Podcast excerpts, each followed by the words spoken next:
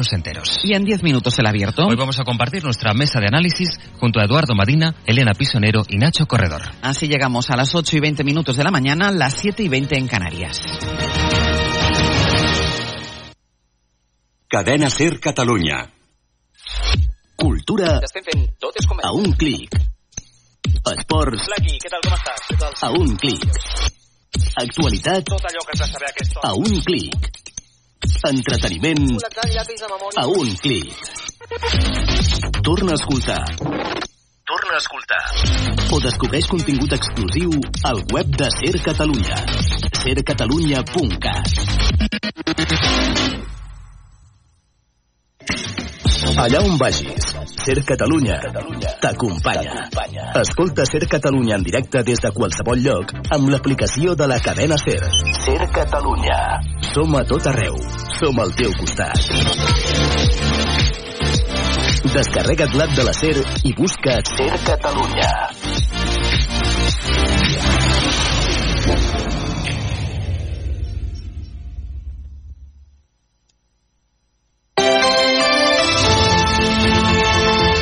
Hoy por hoy Catalunya. Sergi López.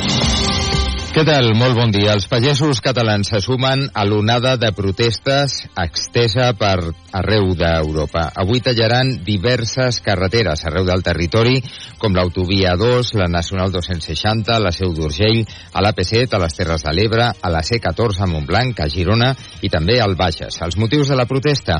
Els costos de producció, la burocràcia, la competència exterior i les restriccions per la sequera extrema que pateix Catalunya. Unes protestes que començaven a les 8 d'aquest matí. I per això avui obrim l'àrea de servei amb la informació viària. Anem al RAC, Alex Huguet. Quins efectes està tenint a les carreteres i autopistes del país aquestes protestes dels pagesos? Bon dia. Molt bon dia. A aquesta hora hi ha diversos indrets afectats ja per aquestes mobilitzacions a la demarcació de Lleida, sobretot al tram de l'A2 entre Golmés i Tàrrega, però també ara ha començat una marxa lenta a la carretera entre Mollerussa i Torregrossa. També a l'L200, a les poblacions de Miralcamp i Puiggròs, i a la demarcació de Girona, des de primera hora ja hi ha aquesta marxa lenta a la 26 entre Olot i Sant Joan les Fonts. Altres manifestacions fan talla carreteres a Verges, a la, 2, a la C252 a Torrella de Fluvià, i ara també hi ha aquesta marxa lenta també a l'N340 des de Vilafranca del Penedès cap a Sant Vicenç dels Horts. En un matí, atenció, on s'ajunten incidències principals eh, en vies de l'àrea metropolitana. Continuen actives les dues avaries a l'AP7, a Sant Cugat cap al nord i a Cerdanyola cap al sud, amb carrils tallats i congestió de 3 quilòmetres i l'accident a la B23 en sentit sud entre Molins i el Papiol. És tot des del RAC. Molt bon dia. Bon dia i gràcies. Ara de seguida anirem a un dels punts on s'estan desenvolupant aquestes protestes dels pagesos. Però abans... Quin temps ens espera per avui, Jordi Carbó? Avui els núvols eh, seran abundants, al matí amb més sol, més compactes durant la tarda, si bé la major part d'hores seran tan prims que igualment farà sol o ressol. La temperatura ha baixat eh, com els darrers eh, matins a aquesta hora, la màxima serà més baixa que les últimes tardes. Ara tenim 10 graus a Terrassa, 7 a Figueres, també a Tortosa, un grau a Viella, màximes al voltant dels 15 graus. I els propers dies alternaran sol i núvols, eh, esperem pluja entre dijous i divendres, però en general acumulant poca quantitat d'aigua.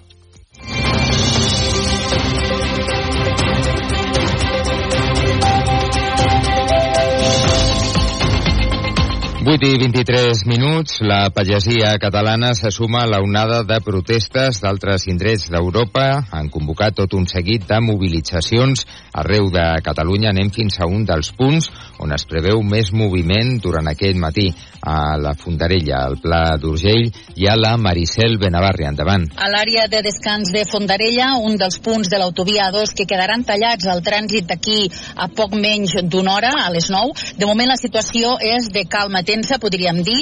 Van arribant els pagesos que fan la protesta, però en cotxe, perquè els tractors encara estan sortint de Lleida i dels pobles d'on han de venir.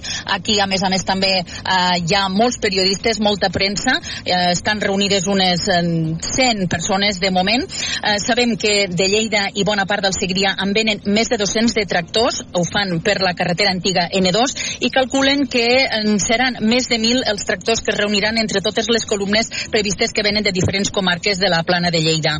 Millora preus, menys burocràcia i no competir amb productes de països tercers en desigualtat de condicions són les principals reivindicacions d'aquesta jornada de protestes de la pagesia catalana. Gràcies, Maricel. Estarem molt pendents de l'evolució de totes aquestes protestes. Ara, Carles Couso, bon dia. Hola, bon dia, Sergi. Ara parlem de sequera. A partir del mes de juny, la Generalitat anirà a buscar aigua amb vaixell a Sagunt, a València, si no plou. És el que han pactat Estat i Generalitat, que repartiran a mitges el cost. L'Estat assumirà la desalinització de l'aigua, la Generalitat el transport amb vaixells. Sí, l'Estat pagarà el cost de desalinitzar l'aigua de Sagunt, una instal·lació que té una capacitat de produir 20.000 20 metres cúbics d'aigua al dia, mentre que la Generalitat assumirà el cost dels vaixells i, cap, i la i capacitat de recepció d'aquesta aigua al port de Barcelona. Des del Departament d'Acció Climàtica ja contemplen haver d'anar a buscar més aigua a altres ports a banda del de Sagunt. I què passarà, Carles, quan els vaixells carregats d'aigua arribin al port? Doncs s'ha de descarregar cap a la xarxa d'aigües de Barcelona mitjançant un dipòsit i una estació de bombament. Ara mateix al port de Barcelona hi ha una instal·lació que permet descarregar com a màxim uns 10.000 metres cúbics al dia, però amb la nova infraestructura que es vol fer abans de l'estiu es podria augmentar fins a 40.000 metres cúbics al dia dia, segons expliquen a Ser Catalunya fons coneixedores del projecte.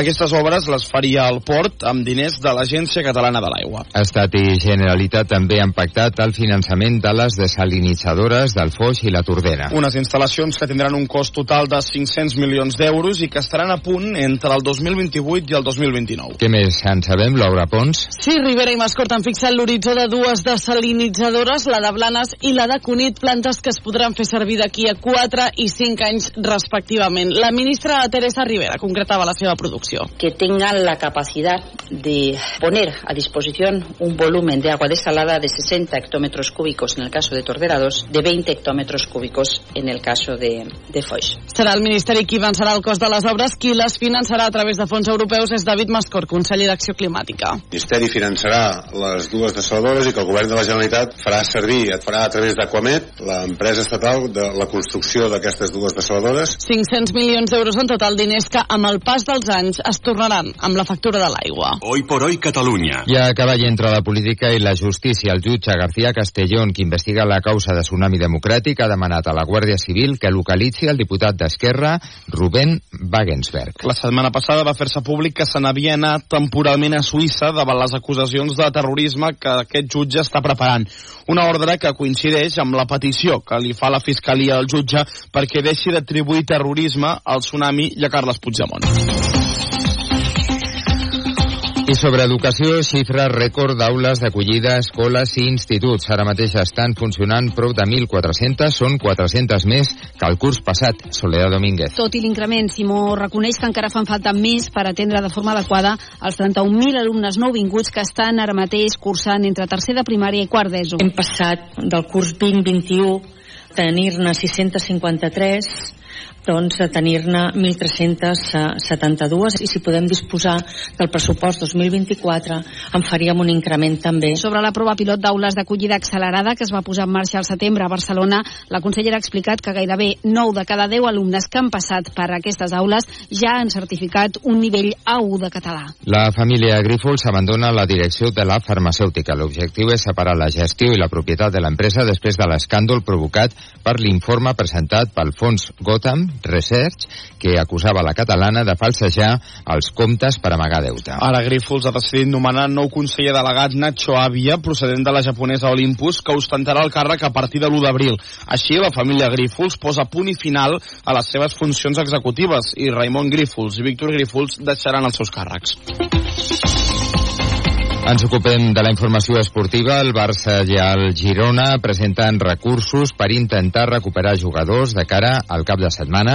Joan Tejedor, bon dia. Bon dia. El Barça ja ha presentat davant del comitè de competició el recurs de la segona targeta groga que va veure Vitor Roque, el darrer partit de Lliga, amb l'objectiu que hi sigui diumenge contra el Granada, tot i que el club ho veuen complicat. El que pot estar tranquil és el tècnic Xavi, ja que segons ha pogut saber ser Catalunya, el comitè de competició no estudiarà les declaracions en què l'entrenador va dir que la Lliga està adulterada perquè ho considera un comentari genèric i no una crítica directa a un àrbitre concret. També Girona ha presentat recurs per la cinquena targeta groga de l'Iblin i l'expulsió del tècnic Mitchell amb l'objectiu de que puguin ser al Bernabéu dissabte, no així amb Yangel Herrera, que també estarà sancionat. Doncs sí que sembla que recuperaran futbolistes, tant el Barça com el Girona és de l'infermeria. Els culers, a més de Ter Stegen, hi ha l'opció de que puguin comptar amb Rafinha i pels gironins, tot apunta que Dòbvic podrà disputar-se el lideratge amb el Madrid sense problemes.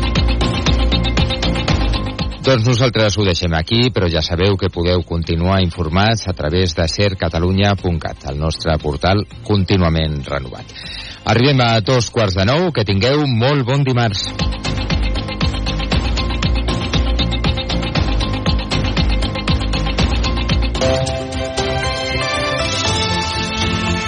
En la cadena Ser, hoy por hoy, con Ángeles Barceló.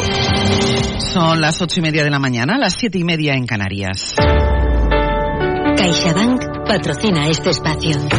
Tiempo para el análisis, tiempo para el abierto en esta mañana de martes con Elena Pisonero. Muy buenos días. Hola, buenos días. Con Ángel. Nacho Corredor, buenos días. Buenos días. Y con Eduardo Madina, muy buenos días. Hola, ¿qué tal, Ángel? Ya saben que estamos pendientes de la evolución de las concentraciones de tractores en algunos puntos del país. No son muy numerosas eh, las manifestaciones, las concentraciones convocadas por las principales asociaciones se van a producir en los últimos días, pero se están produciendo desde esta mañana algunas concentraciones en puntos estratégicos, sobre todo cerca de mercados centrales o de centros logísticos de diferentes provincias de España y esto está dificultando la circulación en algunas carreteras de la red principal. Vamos a ir actualizando a lo largo de la mañana la situación a las 9. Tendrán una actualización con la DGT porque se empieza a notar, se está notando en algunas de las carreteras donde son pocos los tractores, pero con pocos se bloquea una vía de entrada o de salida a una gran